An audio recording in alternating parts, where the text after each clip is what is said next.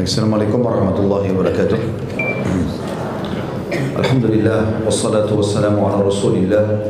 Segala puji dan puja kehadirat Allah Subhanahu wa taala juga salawat dan taslim kepada Nabi besar Muhammad sallallahu alaihi wasallam. Melanjutkan pada buku kita beginilah mendidik anak seharusnya mendidik anak sesuai dengan Al-Quran dan Sunnah dan kita masih dalam manhaj Islam dalam beribadah manhaj Islam dalam beribadah. Dan kita sudah menjelaskan masalah pertama yaitu solat, ya, masalah solat.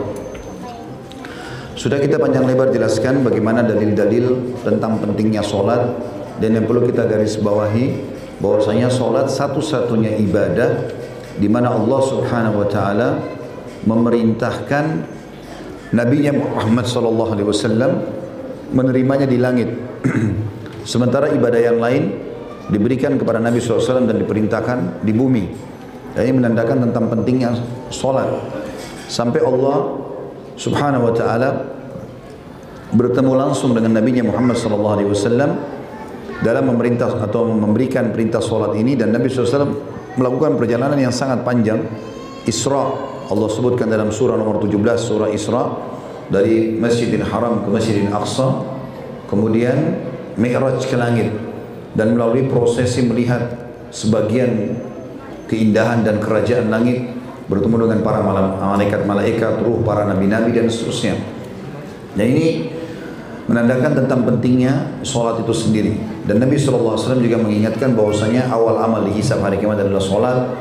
Maka kalau dia baik, beruntunglah orang tersebut dan kalau dia buruk maka rugi dan binasalah dia.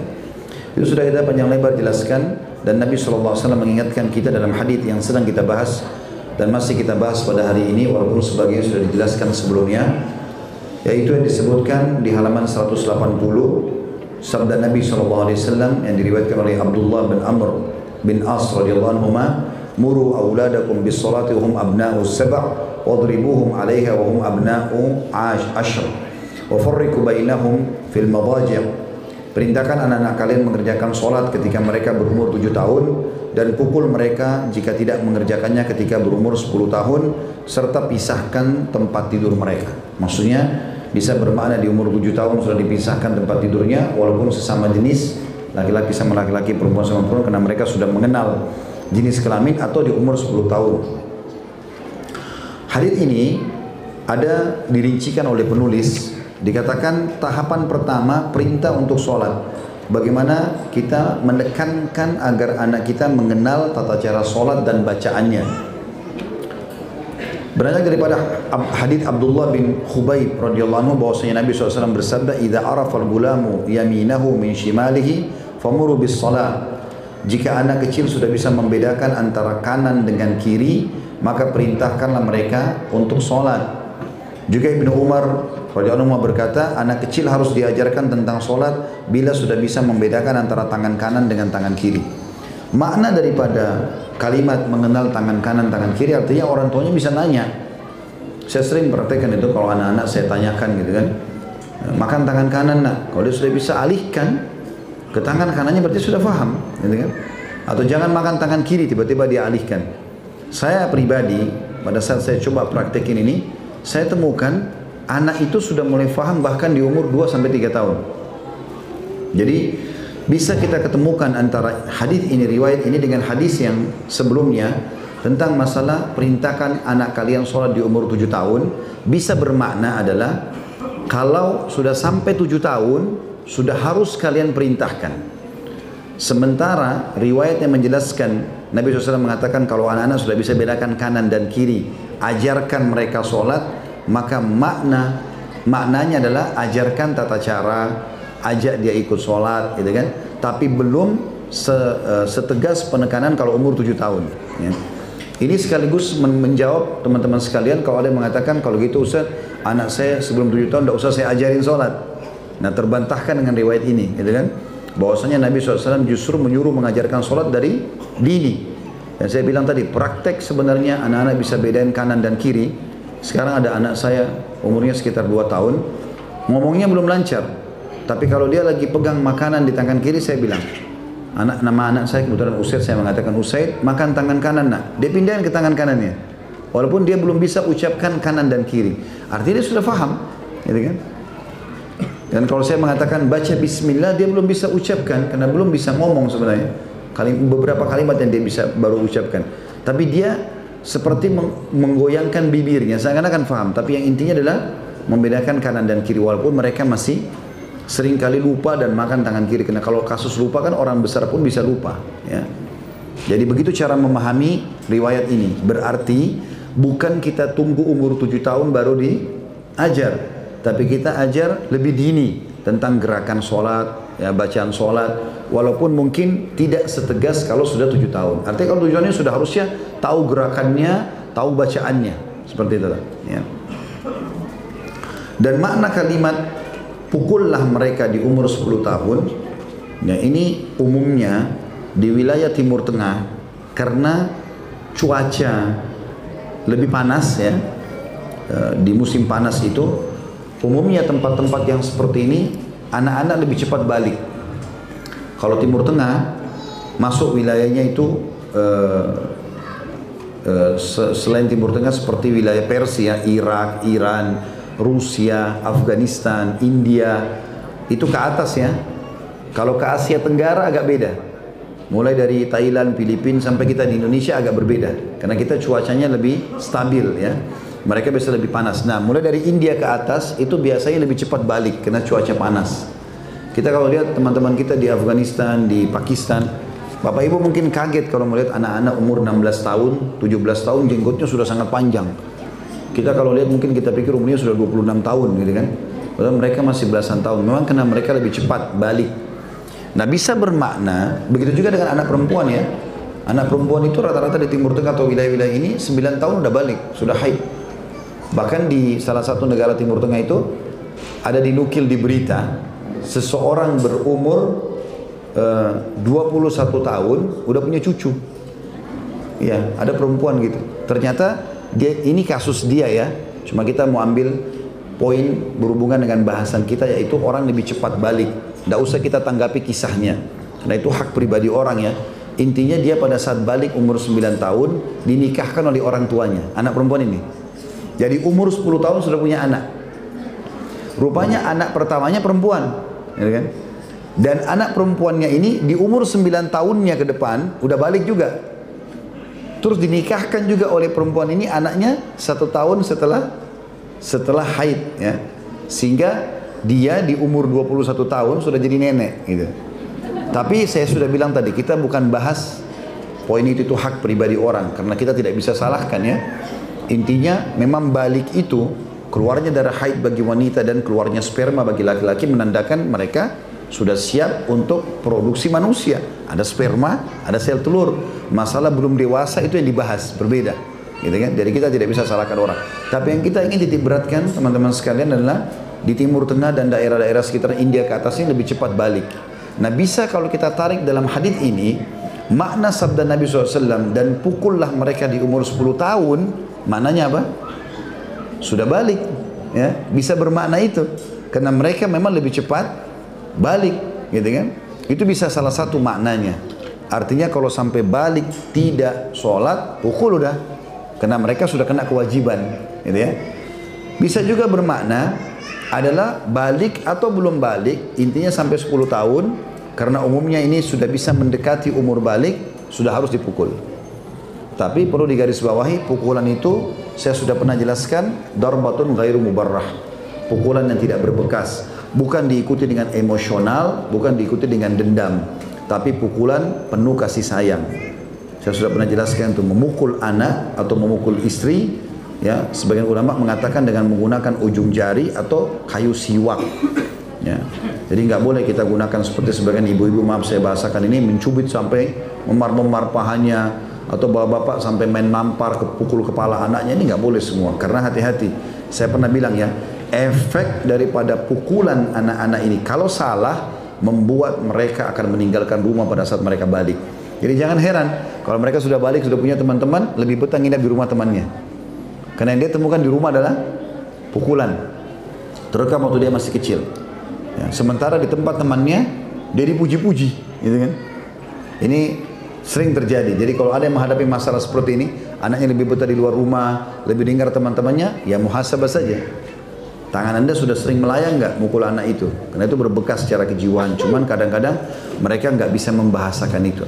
Oleh karena itu, kalaupun harus mukul, mukul dengan kasih sayang. Karena kita cinta sama dia, sayang sama dia, kita pukul. Maka tentu pukulannya hanya lembut ya, hanya sekedar memberikan peringatan. Tahapan kedua mendidik tata cara sholat. Ya. Di sini juga sudah kita jelaskan, maksudnya tata cara sholatnya, bacaannya, gerakannya. Ya. Dalam arti kata kita ikut sertakan. Ya. Sebagian ulama mengatakan, sebagian ya, pakar pendidik mengatakan umur tujuh tahun adalah umur yang paling layak untuk dibawa ke masjid supaya dia kenal karena di umur ini sudah bisa diberikan instruksi ya. jadi kalau nanti kalau di masjid jangan ribut ya nak nanti begini dan begini itu umumnya umur tujuh tahun langsung bisa faham ya. dan insya Allah uh, kalau bapak ibu mendidiknya dengan baik dia akan bisa mendengar tapi di bawah ini masih kemungkinan bisa tergoda oleh teman-temannya bermain gitu ya. walaupun kita boleh mengajarkan nah manfaatnya kalau kita sholat di rumah aja dia berjamaah dia tahu tata cara sholat kalau kita ajak ke masjid dia tahu berjamaah atau bersosialisasi dengan manusia lainnya dan dia tahu ternyata oh sholat di masjid itu hukumnya ini hukumnya itu kan saya biasa bawa anak-anak ke masjid maka pertanyaan mereka selalu tertuju kepada kenapa kita harus ke masjid? Masuk kaki kanan masjid kenapa kaki kanan? Kenapa ada doanya? Apa doanya? Ya kadang-kadang seperti itulah ya.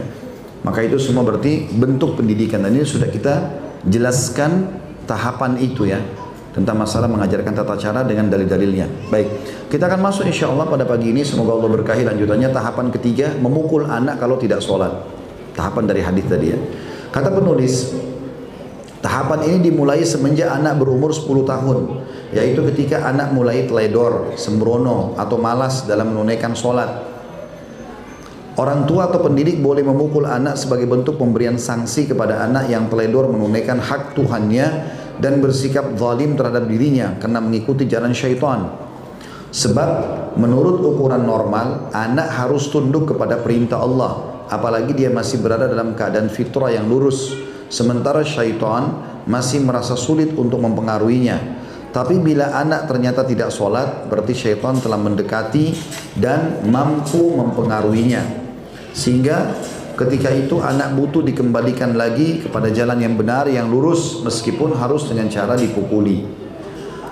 Dari Abdullah bin Amr bin As radhiyallahu bahwasanya Rasulullah SAW bersabda diulangi hadisnya muru auladakum bis salah wa hum abna'us sab'in wadribuhum 'alaiha wa hum abna'u ashrin wa farriqu bainahum fil madaji' Perintahkan anak-anak kalian mengerjakan sholat ketika mereka berumur 7 tahun dan pukul mereka jika tidak mengerjakannya ketika mereka berumur 10 tahun serta pisahkanlah tempat tidur mereka.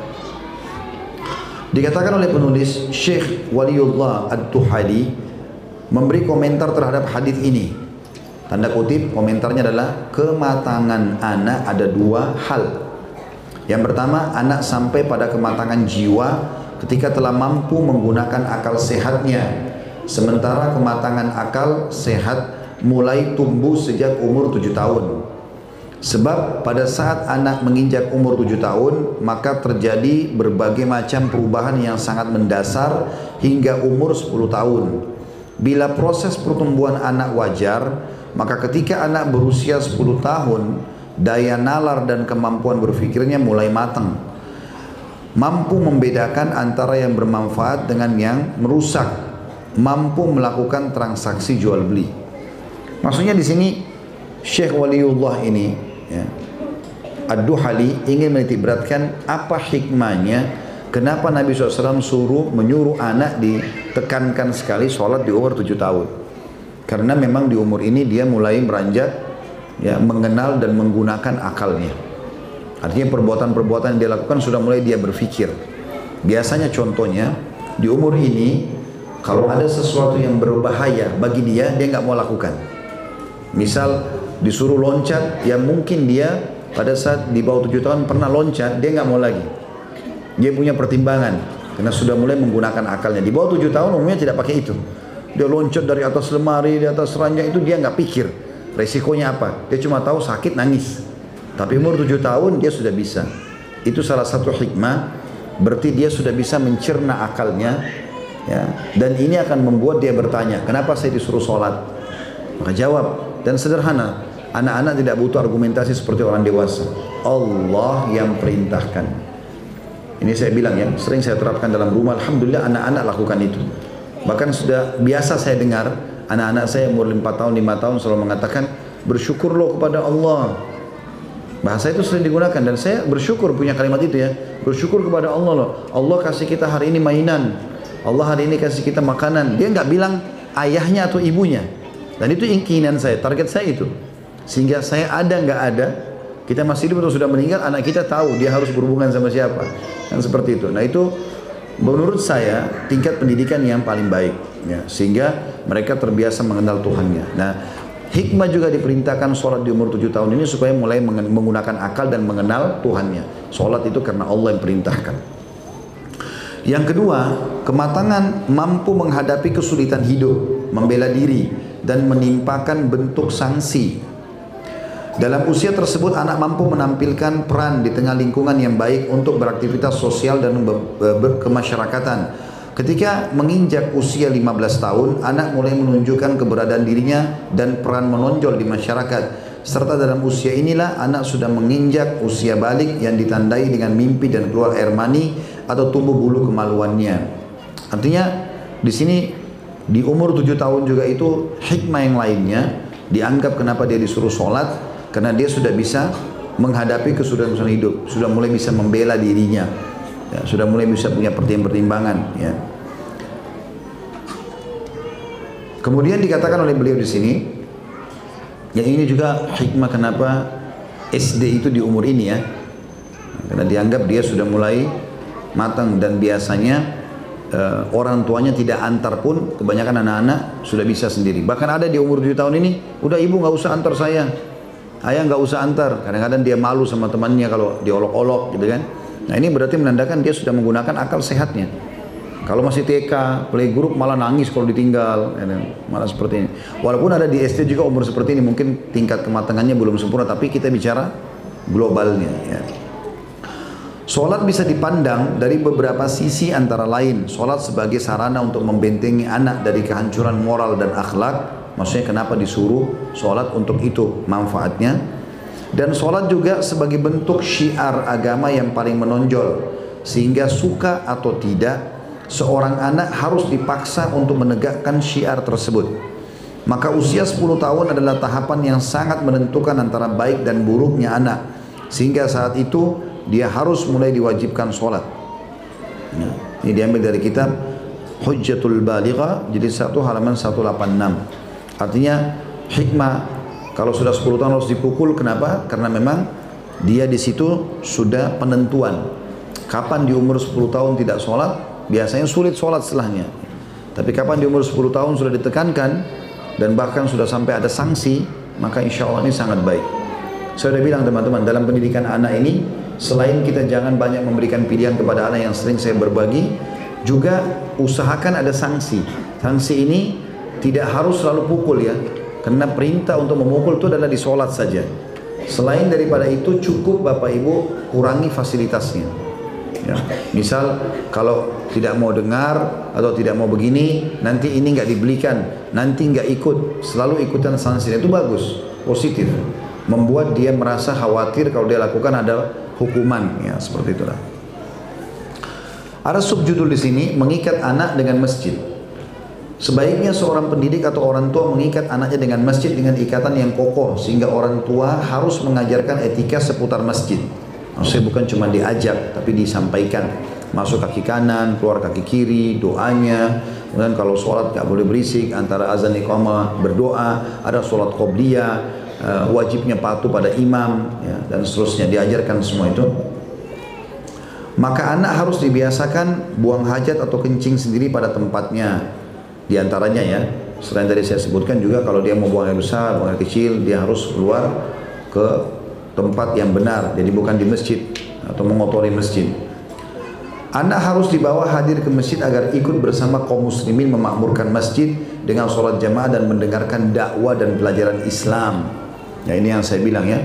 Jadi Bapak Ibu harus bisa mengubah pola hiburan anak bukan hanya sekedar mall dan tempat main, tapi membiasakan mereka mendengarkan ilmu sejak dini. Karena para ulama-ulama kita dulu terbentuk karakter mereka justru karena dari dini diajarkan agama itu. Sebab hati akan mudah terpengaruh dengan kebaikan dan mudah menerima kebenaran selagi belum pernah tercemar dengan keburukan. Orang-orang yang sukses pertama kali yang mereka perhatikan adalah bagaimana menanamkan kebaikan pada hati anak-anak kaum mukminin agar ajaran agama dan nilai syariat tertanam dengan kokoh sejak dini.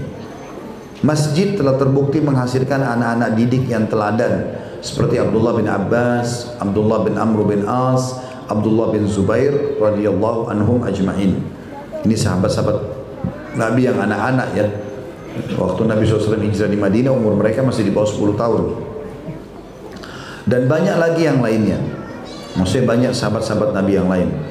Dan masjid akan terus mampu meluruskan anak-anak didik yang hebat dan militan selagi orang tua atau pendidik terus mendorong dan memotivasi mereka untuk senang dan bertaut dengan masjid.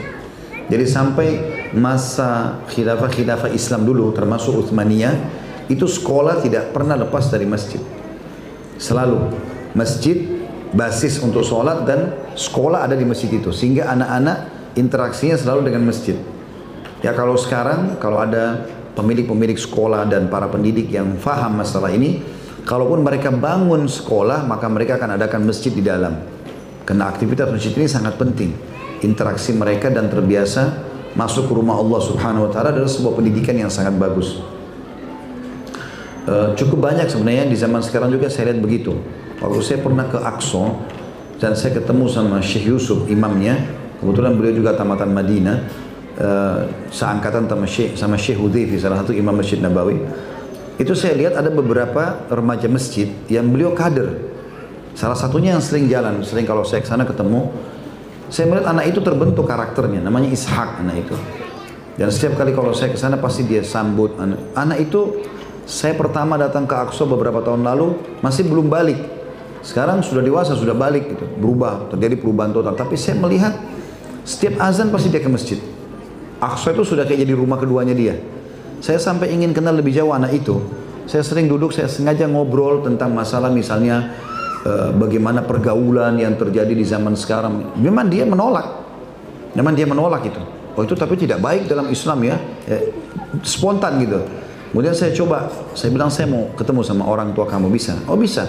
Saya naik taksi, saya datang ke rumahnya, ketemu sama orang tuanya, ibunya, ada ada ada apa, ada ayahnya dan ada ibunya, kemudian saudara-saudaranya masih kecil-kecil gitu. Dan saya melihat memang di rumah pun ternyata subhanallah terbentuk karakter itu. Dia sangat sopan sama orang tuanya gitu kan. Sangat baik dan orang tuanya itu membanggakan dia sekali karena dia aktif di masjid. Ternyata masjid menurut saya melihat contoh salah satu contoh ini membentuk karakter itu. Membentuk karakter yang baik karena dia jadi bisa lebih memahami agama. Saya juga pernah sholat di Masjid Nabawi. Ini pengalaman saya pribadi saja. Kemudian di sebelah saya ada satu, kalau saya lihat dari bajunya seperti orang Afghanistan, tapi tua sekali. Mungkin umurnya sudah di atas 80 tahun. Sudah sangat tua, keriput dan sudah bungkuk. Dia jalan pun pelan-pelan.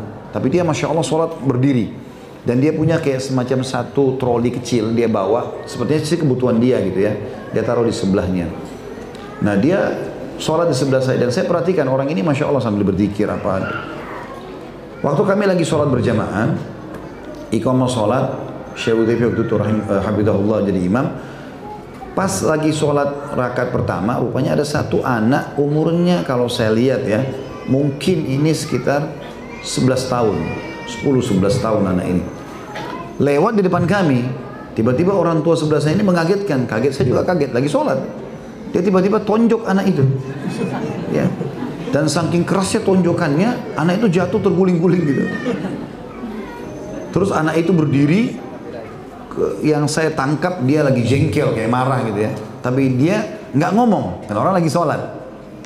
Udah selesai sholat, salam, tiba-tiba saya lihat anak itu datang. Lalu dia bicara sama orang tua di sebelah saya ini. Dia bilang, wahai Pak Tua kalau bahasa terima kita ya, Syekh, Syekh itu kayak orang tua gitu ya. Tapi kalimat santun sebenarnya. Dia bilang, apakah anda belum tahu kalau orang sholat berjamaah yang jadi sutranya imam?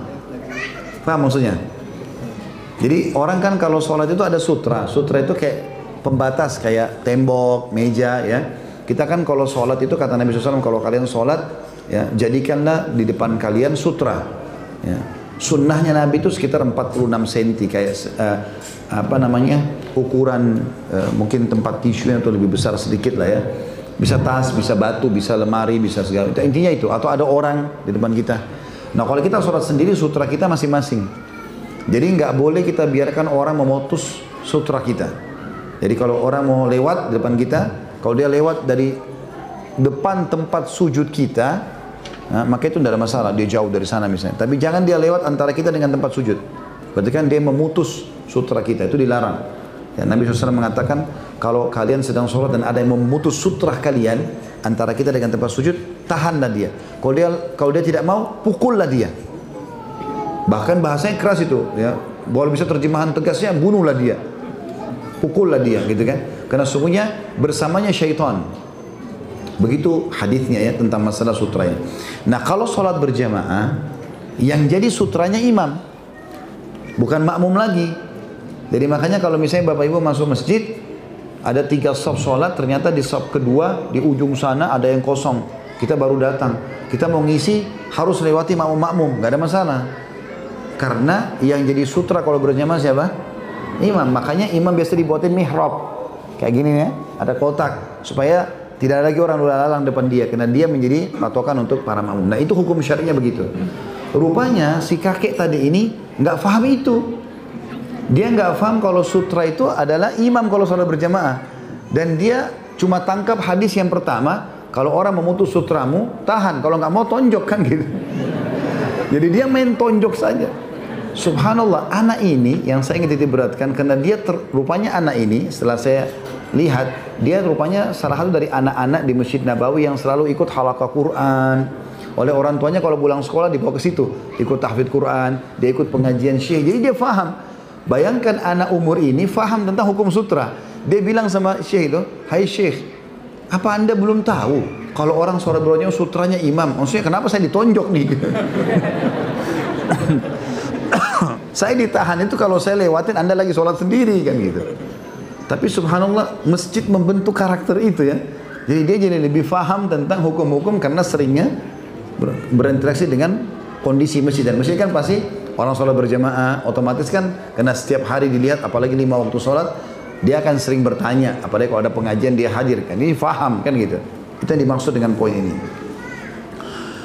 Jadi kata beliau di sini penulis mengatakan ya, orang-orang yang sukses saya ulangi eh, di pertengahan paragrafnya orang-orang yang sukses pertama kali yang mereka perhatikan adalah bagaimana menanamkan kebaikan pada hati anak-anak kaum mukminin agar ajaran agama dan nilai syariat tertanam dengan kokoh sejak dini. Masjid telah terbukti menghasilkan anak-anak didik yang teladan seperti Abdullah bin Abbas, Abdullah bin Amr bin As, Abdullah bin Zubair radhiyallahu majma'in dan banyak lagi yang lainnya dan masjid akan terus mampu meluluskan anak-anak didik yang hebat dan militan selagi orang tua atau pendidik terus mendorong dan memotivasi mereka untuk senang dan bertaut dengan masjid. Kewajiban bagi setiap juru dakwah dan pengelola masjid agar mengarahkan anak-anak kaum muslimin dengan lemah lembut, penuh tawadhu. Jangan cuma tahu marah-marah saja, gitu kan? Tapi ingatkan dengan baik, rendah hati, santun dan penuh kasih sayang serta memberi pengarahan dengan baik agar anak tetap cinta masjid, hatinya tertaut dengan masjid dan selalu rindu dengan solat dan segala aktivitas dan kegiatan masjid sehingga setiap muslim akan selalu cinta untuk pergi ke masjid. Tidak mungkin kesatria terlahir kecuali dari masjid kita yang luas. Itu kata penyair ya. Barang siapa yang mengkhianati hayya ala sholat, mari penuhi panggilan solat, panggilan muadzin, maka dia akan mengkhianati hayya alal falah. Uh, maaf, hayya alal kifah atau mari penuhi panggilan jihad.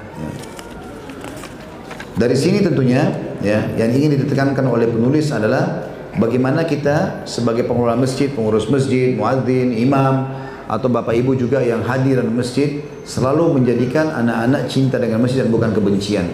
Saya ambil sebuah uh, studi perbandingan sederhana. Di gereja itu yang ada nyanyian dan hadiah.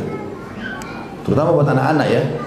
diajak nyanyi-nyanyi, nanti dikasih hadiah, dipuji-puji. Kalau kita adakan studi banding dengan sebagian masjid, terbalik. Selalu kalau anak itu sedikit mau main, marah. Sedikit salah, dipukul, kan gitu. Yang tertanam di benak anak-anak yang diperlakukan seperti di masjid, masjid tempat yang tidak enak.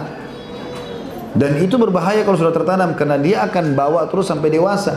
Walaupun sudah tidak ada pukulan di saat dia dewasa. Tapi rasa traumatis ada itu sudah cukup membuat munculnya kebencian ya, atau ketidaksukaan gitu ya. Maka kita harusnya bukan saya bilang ikuti Nasara bukan. Karena sebagai masjid Masya Allah sukses dalam masalah ini. Bahkan mereka masjid-masjid yang saya lihat mengelola dengan profesional ada di bagian belakang tempat main buat anak-anak misalnya. Jadi betul-betul anak-anak yang masih di bawah umur itu ditaruh di tempat-tempat di belakang yang memang dijaga diberikan seperti umurnya dia mainan lah ya gitu dan ini juga sudah kami terapkan. Saya terapkan dalam beberapa uh, medan dakwah di medan dakwah. Seperti contoh kalau kami tablik akbar di Blok M, serial sahabat sebulan sekali, itu ada sisi masjid yang saya minta diblok oleh teman-teman panitia dan itu anak-anak diberikan semacam paket ya. Mereka bisa menulis, iya, menggambar, segala dikasih paket dan di situ ada ruangan khusus. Orang tuanya pun bisa duduk sambil temani anaknya dan sambil dengarin ceramah. Dan itu berhasil. Alhamdulillah akhirnya tablik akbar kita tidak terganggu contohnya. Kemudian juga di daurah keluarga. Uh, saya kadang-kadang buat ada pelatihan rumah tangga islami. Saya susunkan sebuah materi namanya manajemen rumah tangga islami. Dan itu saya buat sampai 10 episode. Manajemen rumah tangga islami 1, 2, 3, 4, 5 sampai 10. Manajemen rumah tangga Islami satu mempelajari tentang tujuan pernikahan, maksudnya eh, apa namanya tata cara ta'aruf Islami, tata cara pernikahan Islami, hak dan kewajiban, segala macam sampai ke masalah eh, membentuk rumah tangga Islami. Manajemen rumah tangga Islam dan ini pelatihannya mulai Jumat sampai Sabtu. Kita nginap di hotel, buka pendaftaran, keluarga pada daftar, akhirnya nanti ibu dan bapaknya belajar sama saya. Mungkin dalam Jumat sampai sampai Ahad itu kita punya 5 sampai 7 kali materi. Habis subuh sekali, kadang-kadang nanti jam 10 mulai lagi, istirahat siang dan segala macam, sore ada lagi, malam ada lagi. Kita bisa sampai 5 7 kali atau sampai 8 kali pertemuan. Sampai hari Ahad. Anak-anaknya kita datangkan teman-teman kita memang yang punya jiwa itu suka sama anak-anak, biasanya guru-guru TK kan gitu. Orang yang memang jiwa itu lalu mereka yang mengelola anak-anak ini diajarlah memanah, doa-doa segala macam. Nanti hari Ahad mereka tampil, anak-anak itu kita tampilkan apa yang mereka belajar selama dua hari dari doa mau tidur, doa mau makan, apa tampil untuk hadiah untuk orang-orang tuanya. Nanti juga mereka kayak kasih hadiah bentuk kasih sayang kepada orang tuanya, dia kasihkan semacam topi atau apa kertas yang ditemlem ditulis sebagai bentuk sayang dia seperti itulah. Nah itu ternyata berhasil. Anak-anak itu betul-betul semangat yang tidak pernah di rumahnya bangun subuh karena dibuatin program yang bagus, mereka bangun subuh mereka bermain, mereka sholat dan segala macam. Nah ini termasuk berhasil gitu kan. Dan di manajemen rumah tangga Islami 2 saya uh, susunkan materi khusus untuk hak anak, hak orang tua dan hak kekerabatan. Mulai manajemen rumah tangga Islami 3 sampai 10 itu judulnya kiat-kiat mempertahankan rumah tangga. Ada 30 atau 31 kiat mempertahankan rumah tangga. Lalu setiap pertemuan kita bahas 5 poin. Ya. Dan ini termasuk insya Allah yang kita harapkan nanti selesai mendirikan rumah tangga Islam yang 10 itu sudah terbentuk rumah tangga yang islami. Harapannya begitu. Tapi yang saya ingin diberatkan ternyata membentuk karakter anak ya dengan kasih sayang dengan mengajarkan mereka dengan cara santun memberikan hadiah memberikan uh, pola pendidikan dengan bercanda sesuai dengan umur mereka bersenda guru ini ternyata sangat berpengaruh besar. Bahkan banyak orang tua yang membahasakan kami nggak sangka Ustaz dalam dua hari anak-anak bisa hafal doa sekian banyak gitu kan bahkan mereka berani tampil di depannya jemaah gitu kan bahkan mereka lebih perhatian kepada orang tuanya karena memang ditanamkan harus patuh ya sama abi sama umi dan seterusnya seperti itulah kurang lebih Allahu a'lam. Itu saja, semoga bermanfaat. Subhanakallahumma bihamdika asyhadu an la ilaha illa anta astaghfiruka wa atubu ilaik. Assalamualaikum warahmatullahi wabarakatuh.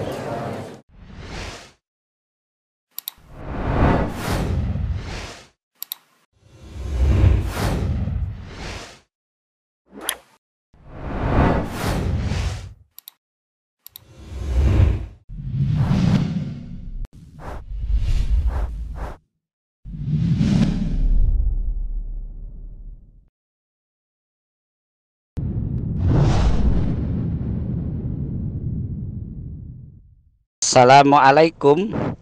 Untuk pemesanan paket umroh murah Bisa menghubungi 0821